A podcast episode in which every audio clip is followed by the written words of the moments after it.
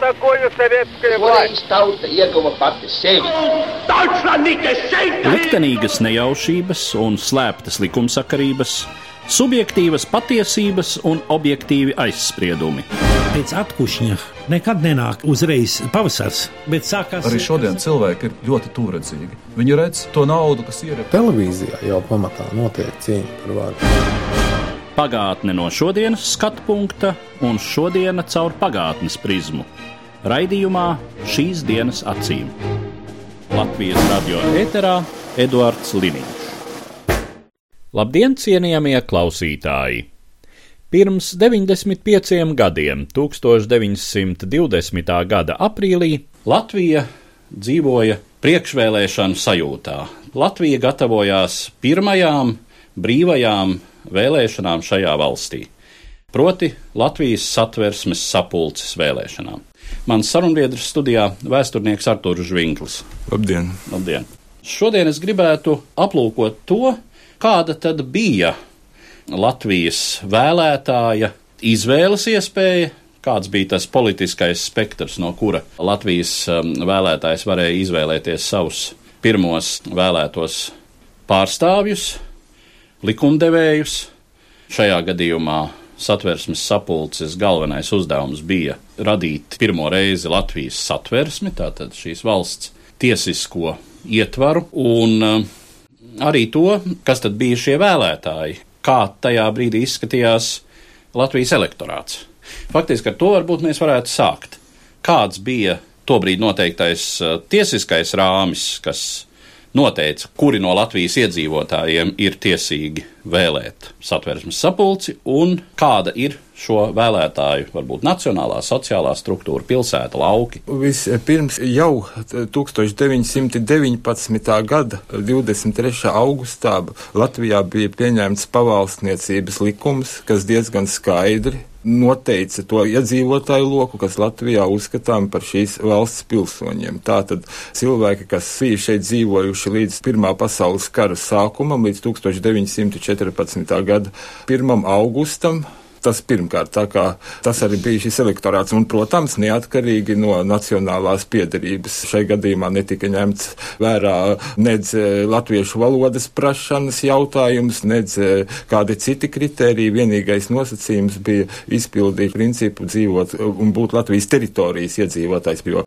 Latvija 1914. gadā nepastāvēja kā administratīvu politisks jēdziens. Vēl viens nosacījums bija vēlēšanu vecuma cens, kas bija noteikts no 21 gada vecuma, ne no 18 gadiem.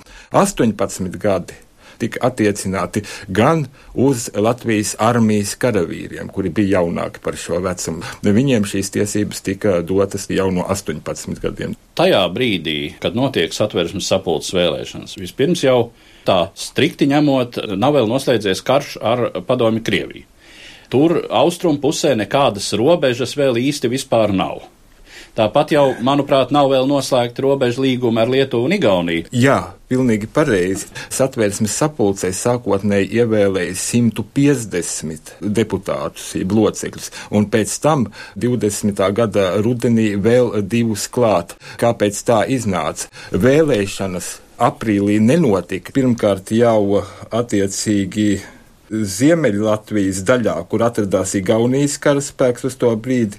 Tas attiecās uz Ainažu, Īpiķu, Plāteres, Masalacas pagastiem, Valkas un tās tūmu teritorijām. Tur šīs vēlēšanas tātad tai brīdī nevarēja notikt. Tāpat viņas nenotika vietās, kur koncentrējās Polijas karaspēks. Tas ir ilūgstis apriņķī sešos pagastos un Grīvas pilsētā. Tātad arī e, tur šīs vēlēšanas notika tikai 1920.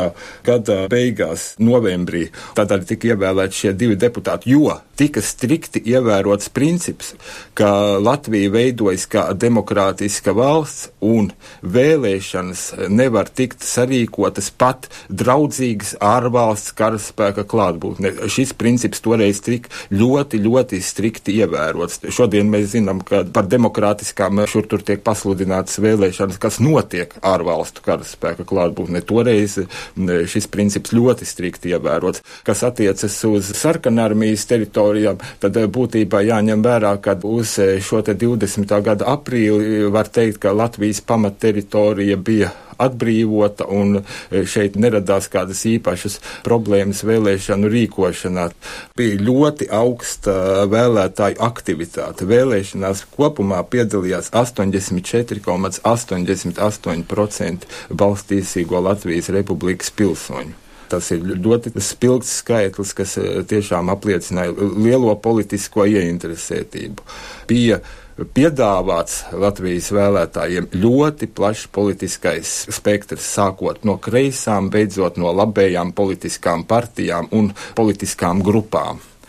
Vispirms jau tā bija lielā eh, Latvijas sociāldemokrātiskā strādnieku partija kreisajā flangā, pēc tam Latviešu zemnieku savienība, labējie pilsoniskie grupējumi ar Arvedu Bergu priekšgalā apvienojās bezpartijisko grupā Tāpat vēlēšanās aktīvi iesaistījās nacionālās minoritātes, vācieši ar piecām partijām, ebreji ar vairākām partijām, krievi arī ar eh, dažām partijām, tā kā minoritāšu aktivitāte šai ziņā bija ļoti liela vācu, ebreju un krievu mazāka, bet uh, arī izpaudās pagaidām pēc tādas ievērojamas pārstāvības, kas vēlāk radās, uh, palika Latvijas poļu tautības iedzīvotāji, kas attiec uz lietuviešiem, tad viņi nespēja radīt šādu spēcīgu mazākumu tautības partiju, kas varētu pretendēt uz ievēlēšanu Latvijas parlamentā visu neatkarības turpmāko periodu. Tā kā tas attiecas uz nacionālām minoritātēm. Vēl jāsaka viens moments. Bieži vien Arī šodien kļūdaini e, tiek apgalvots, ka aizliegta bija Latvijas komunistiskā partija un lūk nevarēja piedalīties vēlēšanās. Tā nav īsta taisnība. 20. gadā un arī vēlāk nekāda formāla Latvijas komunistiskās partijas aizlieguma Latvijā nepastāvēja. Šeit bija divi momenti. Latvijas kompartija tika uzskatīta par organizāciju, kas vardarbīgā ceļā vēlas mainīt Latvijā pastāvošo valsts iekārtu, tātad klasificēta pēc sodu likumu šāda te attiecīgā panta. Tas ir viens. Otrkārt, pati Latvijas kompartija norobežojās kategoriski, paziņoja, ka tā ir buržuāziska valsts, ka to radījuši ārvalstu interventi, ka viņi šādas valsts demokrātiskā procesā piedalīties nevar.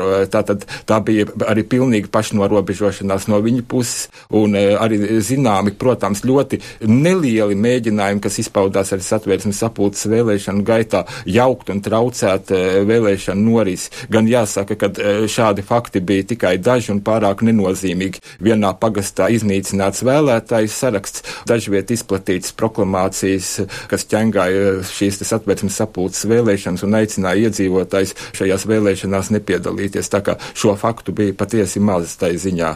Vēl varbūt mazliet Jā. par partiju spektru. Iznāk tā, ka galēji kreisais spēks ir Latvijas Sociāldemokrātiskā strādnieku partija. Šajā spektrā tā iznāca, kad legālā politiskā spektra galējo kreiso nišu ieņēma Latvijas Sociāldemokrātiskā strādnieku partija. Bet uzreiz jāsaka, ka pašā Latvijas Sociāldemokrātiskā strādnieku partijā pastāvēja nu vismaz trīs spilgti izteikti grupējumi politiskie. Tas ir kreisais flanks, nu, nosacīti galēji kreisi, ne komunisti Lai gan ar atsevišķu komunistu iekļūšanu sociāldemokrātu sarakstos mums laikam nāksies nedaudz parunāt. Te es domāju vispirms Vili Dermani šai ziņā. Tālāk bija centriskais grupējums un labējais flanks eh, Latvijas sociāldemokrātiskā strādnieku partijā. Vēlāk jau šajā sakarībā, protams, nāksies runāt par lielo šķelšanos Latvijas sociāldemokrātiskā strādnieku partijā. Tur jau bija izteikti labējais grupējums atšķēlies, bet tas jau notika pēc satvērsmes sapulces darbības uzsākšanas dienas. Droši vien būtu vērts mazliet iezīmēt, kāds tad ir šis kreisums un labējums, vai teiksim šis eh, izteikti kreisais sociāldemokrātu spārns.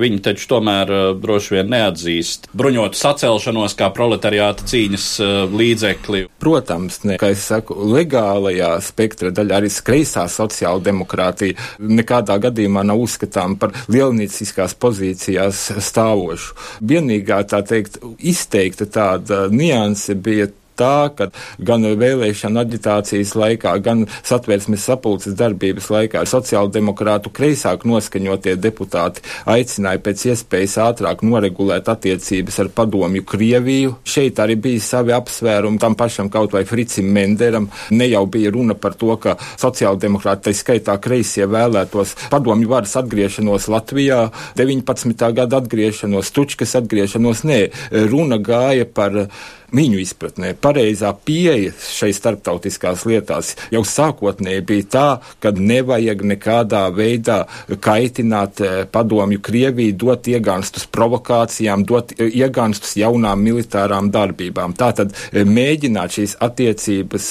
risināt ar labu sarunu, kompromisu, vienošanos ceļā. Te jāņem vērā, ka arī pārējās partijas, arī Latviešu zemnieku savienība savā vēlēšana aģitācijā runāja par to, ka ir jānoregulē attiecības gan ar padomju Krieviju, gan ar eh, Vāciju, kuras tolaik eh, bija faktiski karstāvokli ar Latviju. Protams, tas bija viens no galvenajiem eh, satversmes sapulces risināmajiem jautājumiem. Miera līguma noslēgšana pirmkārt, bēgļu reevakuācijas lietas, kur vēl izpaudās.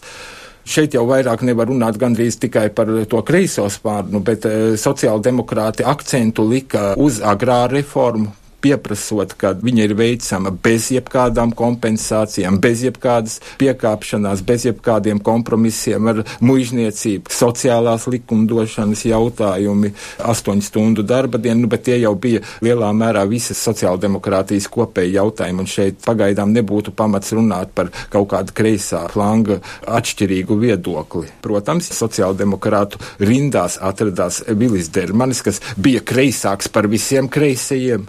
Vēlāk viņš pat atzina, Iespējams, ka tas arī bija vēlākā vēlēšanās parādīt sevi par komunistiskāku, ka tas bija vajadzīgs nekā viņš patiesībā bija. Tas ir par viņa emigrācijas gadiem, par iestāšanos ASV komunistiskā partijā un tam līdzīgas lietas. Tātad pēc tā viņa teiktā varēja uzskatīt, ka viņš ir no sociāldemokrātu saraksta ievēlēts satvērsmes sapulcē kā maskēts komunists zem sociāldemokrāta vārda. No sociāldemokrātiem pa labi Mēs uzreiz redzam Latvijas Zemnieku savienību, ja tur ir vēl kaut kādi elementi pa vidu. Principā es pat teiktu, ir visai grūti runāt, jo tad ir jārunā par daudz sīkākām politiskām grupām un politiskām partijām. Tas ir Demokrātu savienība un tam līdzīgas Latvijas darba partija, kura tūliņ drīz vien jau pēc šīs frakcijas ievēlēšanas un iekļūšanas satversmes sapulcē, kur notika šķelšanās, dalīšanās, izstāšanās no frakcijām. Būt būtībā tiešām par tādu nozīmīgu, es te uzsveru nozīmīgu politisku spēku, kas redzams var runāt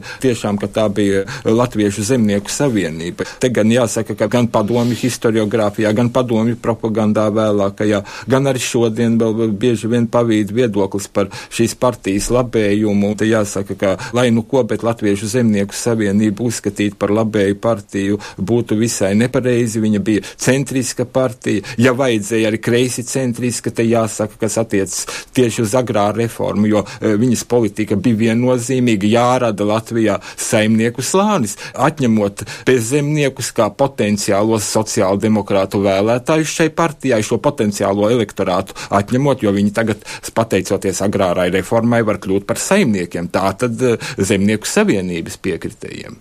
Un te jāņem vērā, ka Latvijas agrā reforma bija ļoti revolucionāra šai ziņā, un Zemnieku savienība šai ziņā jāuzskata par eh, revolucionāru spēku būtībā. Protams, tur bija kompromisa atšķirības, tur bija par to, ka jāatstāja muižu centri bijušajiem muižniekiem zemes platību līdz 50 hektāriem, tas ir vidējas saimniecības lielumā. Tādas lietas, protams, kur līdz tam viņiem bija bijuši, teiksim, protams, tūkstoši. Jā, kur, jā, kur līdz tam tūkstoši. Arī Latgales zemnieku partija ir pieskaitām pie šādām pašām eh, kreisi centriskām partijām. Viņai arī bija iespaidīgs eh, deputātu skaits 14 vietas satversmes sapulcē. Viņa arī savā ziņā būtībā būtu tuvināta zemnieku savienībai. Cik es saprotu, tad arī runājot par minoritāšu partijām, tās zināmā mērā struktūrējas arī pēc zināmiem sociāliem kritērijiem. Sevišķi te laikam jārunā par ebreju daļu, kur ir bunts kā izteikti strādnieciska partija. Jā, tieši tā, par ebrejiem, ja runā, tad te pat nedaudz plašāk runā runājot ne tikai konkrēti, nu, bet satversmes sapulces vēlēšanās jau tas spilgt izpaudās un izpaudīsies arī tālāk. Tad Latvijas ebreju kopiena izcēlās ar to, ka tā bija latviešu sabiedrības e, mikromodelis, kur bija savs augšslānis, sava buržuāzija, savi uzņēmēji, savi tirgotāji, savi lieltirgotāji, savi finansisti, savi banķieri, tātad augšējais ešalons, bija vidējais slānis, bija inteliģents, bija strādniecība cīki amatnieki. Ko jā. mēs neredzam, teiksim, vācu. Jā, ko mēs jo... neredzam vācu, kur ir diezgan kompakts, vienveidīga vēlētāju masa, kas pieder pie vidusšķiras vai pie augstākās vidusšķiras, kur nav šīs sociālās diferenciācijas. Būtībā jāsaka, ka diezgan maz šī sociālā diferenciācija izpaudās arī Krievu vidū, ka šeit arī nebija tādas izteiktas Krievu buržuāziskas partijas vai Krievu strādnieciskas partijas. Šeit ne, bet ebrejiem nu, tas nu, bija ļoti izteikti. Nu, un satversmes sapulcē tas izpaudās ļoti spilgti. Te jāsaka, ka Punts neizgāja ar atsevišķu sarakstu, atsevišķi sociāldemokrātiski noskaņotie ebreji, tas ir Bers un Rabinovičs, palotējās un iekļuva satversmes sapulcē no Latvijas sociāldemokrātiskās strādnieku partijas sarakstu. Tā kā vismaz divi ebreji nāca klāt satversmes sapulces deputātiem tieši no sociāldemokrātu partijas, un sociāldemokrātu partija it kā varēja sevi šai brīdī parādīt, eksponēt kā partiju, kas nav tīra latviska, bet ir tiešām latviska Latvijas sociāldemokrātiskā strādnieku partija, jo lūk, viņu deputātu vidū bija arī ebreji, ne tikai latviešu deputāti. Tas bija tāds rets izņēmums pēc tam Latvijas politiskā dzīvē. Turpmāk arī reti vērojams 20. un 30. gados, kad būtu šādas te pārnacionālas partijas. Tad runājot par to spektra daļu, kas ir no Latviešu zemnieku savienības pa labi, pilsoniskākās, konservatīvākās partijas, Labējā spektra daļā, protams, izcēlās kā lielākais politiskais spēks bezpartijisko grupa, ko jau es minēju ar septiņiem eh, deputātiem, kur iegāja Arveids Bergs, viens no redzamākajiem šīs grupas runas vīriem un pēc tam otri redzamiem latviešu politiķiem. Šī partija bija konservatīva. Te eh, jāatzīmē, ka tā bija lielā mērā nam īpašnieku partija. Tas ir tās latviešu pilsoniskās aprindas, kas bija kļuvušas turīgas un pamatā namī īpašnieku aprindas, jo latviešu vidū nebija daudz e, lieltirgotāju, nebija daudz baņķieru, nebija daudz, kā šodien saka, biznesa aprindu cilvēku, uzņēmēju. Diemžēl arī toreiz tā bija liela problēma. Par bezpartījisko grupu var piebilst, ka liels sasniegums bija tas, ka Arvids Bergs, kurš stājās šīs grupas priekšgalā, bija beidzot pārvarējis savu aizvainojumu, kas viņam liedz ieiet tautas padomē, kad viņš bija uzskatījis, ka latviešu pagaidu nacionālajai padomē ir atņemts tās tiesības, kas eh, viņai pienācās kā viņa prāt pirmai organizācijai, kas eh, cīnījusies par Latvijas valsts izveidošanu un kad nebija pareizi veidot šo tautas padomi šādā veidā. Protams, pie labējām partijām stabili ir jāpieskaita Vācu partijas, kā jau mēs runājām, ka viņas pārstāvēja pamatā Vācu elektorātu vidusšķiru un augstāk par vidusšķiru. Ļoti pazīstams bija Pauls Šīmans, vēlākais ievērojamais Latvijas politiķis, eh, faktiski visas parlamentārās demokrātijas perioda laikā. Viņš arī definēja to, ka agrā reforma jāveic ļoti piesardzīgi ar kompromisiem. Nu, tas saprotams, ka jā, bija jāizstāv vācu elektorāta skaita bijušo vācu baronu intereses, protams, bet viņš akcentēja vienu vērā liekamu lietu. Patiesi labējas partijas kredo ir aizstāvēt privāti īpašumu, privāti īpašuma neaizskaramību, tā teikt, privāti īpašuma svētumu. Tā tad ļoti skaidri definēja šo nostāju, kamēr drīzāk šis latviešu labējais spārns, šī bezpartijas politisko grupu, viņa vairāk bija, kā jau es teicu, namīpašnieku aizstāvju. Viņu sevišķi neinteresēja agrāra reformas lietas, kas attiecas uz vācu bijušām privilēģijām. Arī šis jautājums viņu kaut kur skāra mazāk. Viņi netaisījās īpaši solidarizēties, protams, lai nezaudētu latviešu vēlētāju balstu uz šiem te privāti īpašumu svētuma un neaizskaramības lozungiem. Tālāk no ebrejiem izteikta labējā partija bija Agudat Israel, ko tradicionāli un nemainīgi ar turpmākos gadus vadīja eh, Mordehais Dubins. Pats būdams eh, koktirgotājs tajā laikā, tā bija labēji konservatīva reliģiska ebreju partija.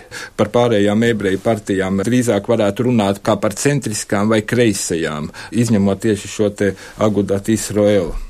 Daļēji arī par Krievu partijām, kuras bija divas faktiski tika iekšā satversmes sapulcē Krievu bezpartijiskā grupa un Krievu nacionāla demokrātu partija. Te arī zināmā mērā valdīja konservatīvās idejas, kas atšķīra, kā mēs varam teikt, krievalodīgo elektorātu tagad no toreizējā Krievu elektorāta tas bija klāji, asi izteikts eh, antilieliniecisms, antibolševisms, jo šeit ienāca gan ne pārāk lielā skaitā, bet tomēr Krievu emigrācija pēc 1917. gada oktobra apvērsuma. Arī turpmāk visas Krievu partijas Latvijā deklarēja ļoti naidīgu savu attieksmi pret eh, bolševismu, pret komunismu idejām, pret lieliniecismu. Vēlēšanu rezultātus mēs jau mazliet šeit uh, iezīmējām. Manuprāt, vēl ir viens ļoti svarīgs aspekts, par ko jārunā, kas uh, vairāk uz mūsdienām vērsts uz dzimumu vienlīdzības jautājumu, kā tas izpaudās satvērsmes sapulces vēlēšanas rezultātos.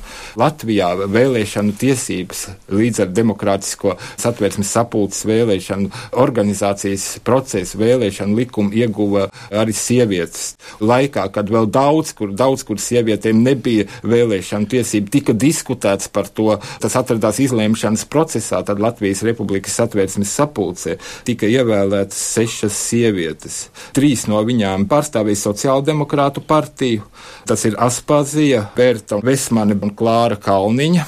Tālāk Latgales zemnieku partiju pārstāvēja Laurinoviča Apolonija, bezpartīsko grupu, tātad Berga labējo organizāciju cēsniec Freidenfelds Zelma, Latgales zemnieku partiju pārstāvēja arī Seila Valērija, tā kā tas bija pirmās sieviešu pārstāvis Latvijas augstākajā valsts varas orgānā. Pēc tam iezīmējās tāds grūdienis atpakaļ šai ziņā. Ne pirmajā, ne otrajā, ne trešajā saimā netika ievēlēta neviena sieviete, lai gan centieni iekļūt saimā bija nav noliedzami, tad lielās partijas savā ziņā var uzskatīt par dzimumu šovinistiskām, par minoritāšu partijām tas pats jāsaka. Tikai ceturtā saimā pēc ilga, ilga pārtraukuma, tikai 1931. gadā no demokrātiskā centra tika ievēlēta Berta Pīpiņa.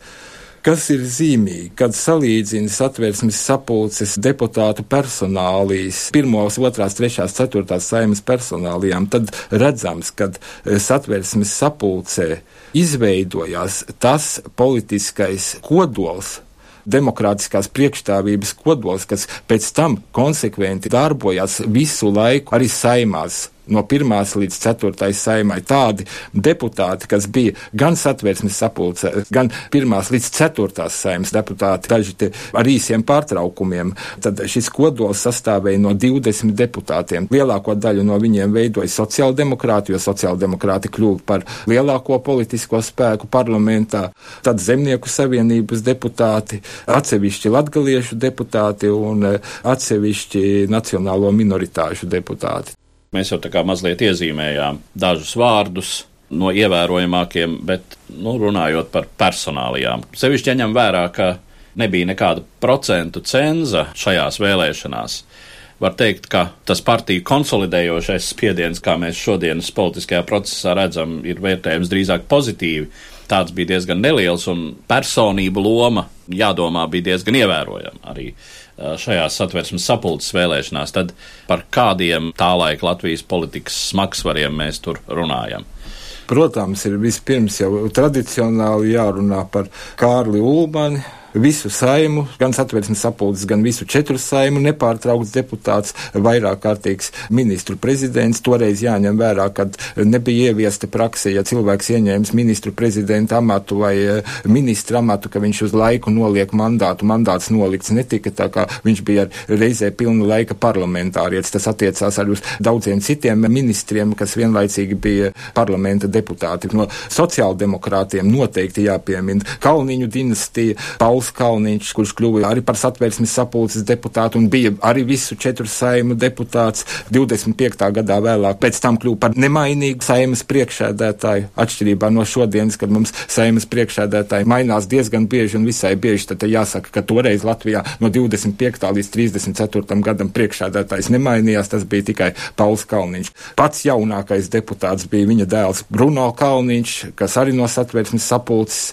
sāka savu politisko darbību un tur turpināja visās četrās saimās darboties. No sociāldemokrātiem tāpat jāpiemina ievērojamais ārlietu jautājumu pārzinātais Fēliks Cielēns, labējais sociāldemokrāts, Celmiņš Hugo, demokrātiski noskaņotās zemnieku savienības, tā teikt, demokrātiskā spārna pārstāvis. Ja Ulmani mēs uzskatām par tādu sarunāšanas meistaru, kompromisu meistaru un vēlāk arī tādu sevi kaut kur pārvērtējušo taiziņā, tad Celmiņu Hugo var uzskatīt tieši par izteiktu demokrātu šīs partijas rindās. Arī viņš bija gan satversmes sapulces, gan visu saimu deputāts. Tāpat var pieminēt labvējo sociāldemokrātu skujinieku marģeru. Arī viņš turpināja darbību gan satversmes sapulcē, gan e, visās saimās satversmes sapulcē, īpaši jau no sociāldemokrātu saraksta, ienāca ievērojamāk tā laika gara darbinieki. Te jāpiemina Zēnieks Rainis, taču viņš palika par saimas deputātu līdz savai nāvei 1929. gadā. Te vēl jāsaka, ka Raiņa pozīcija lielā mērā atšķīrās gan no kreiso, gan centrisko sociāldemokrātu pozīcijas, īpaši jautājumā par padomi Krieviju, jo komunistisko režīmu viņš tiešām uzskatīja par galīgi nepieņemamu. Aspazija arī kļuva par eh, satversmes sapulces deputāti no tās pašas sociāldemokrātu partijas. Kārlis Skalbe no Demokrātu savienības, no negatīvās puses. Mēs jau te nedaudz runājām par Viļa Dermaņa pozīciju, tomēr viens moments. Var Dermani uzskatīt par komunistu, slēptu komunistu, atklātu komunistu vai galēji kreisu sociāldemokrātu. Ar Dermaņa vārdu saistījās viens no eh, tā laika ievērojamiem skandāliem būtībā Latvijas politiskās policijas izprovocēts skandāls un apsūdzības pret viņu vērstas par to, ka caur eh, viņa vadītu organizāciju palīdzību Krievijas trūkumcietējiem Latvijā tiekot eh, ievest un izplatīt viltotā nauda. Naudas žūks attiecīgi šīs organizācijas kasē novietoja politiskās eh, pārvaldes aģents.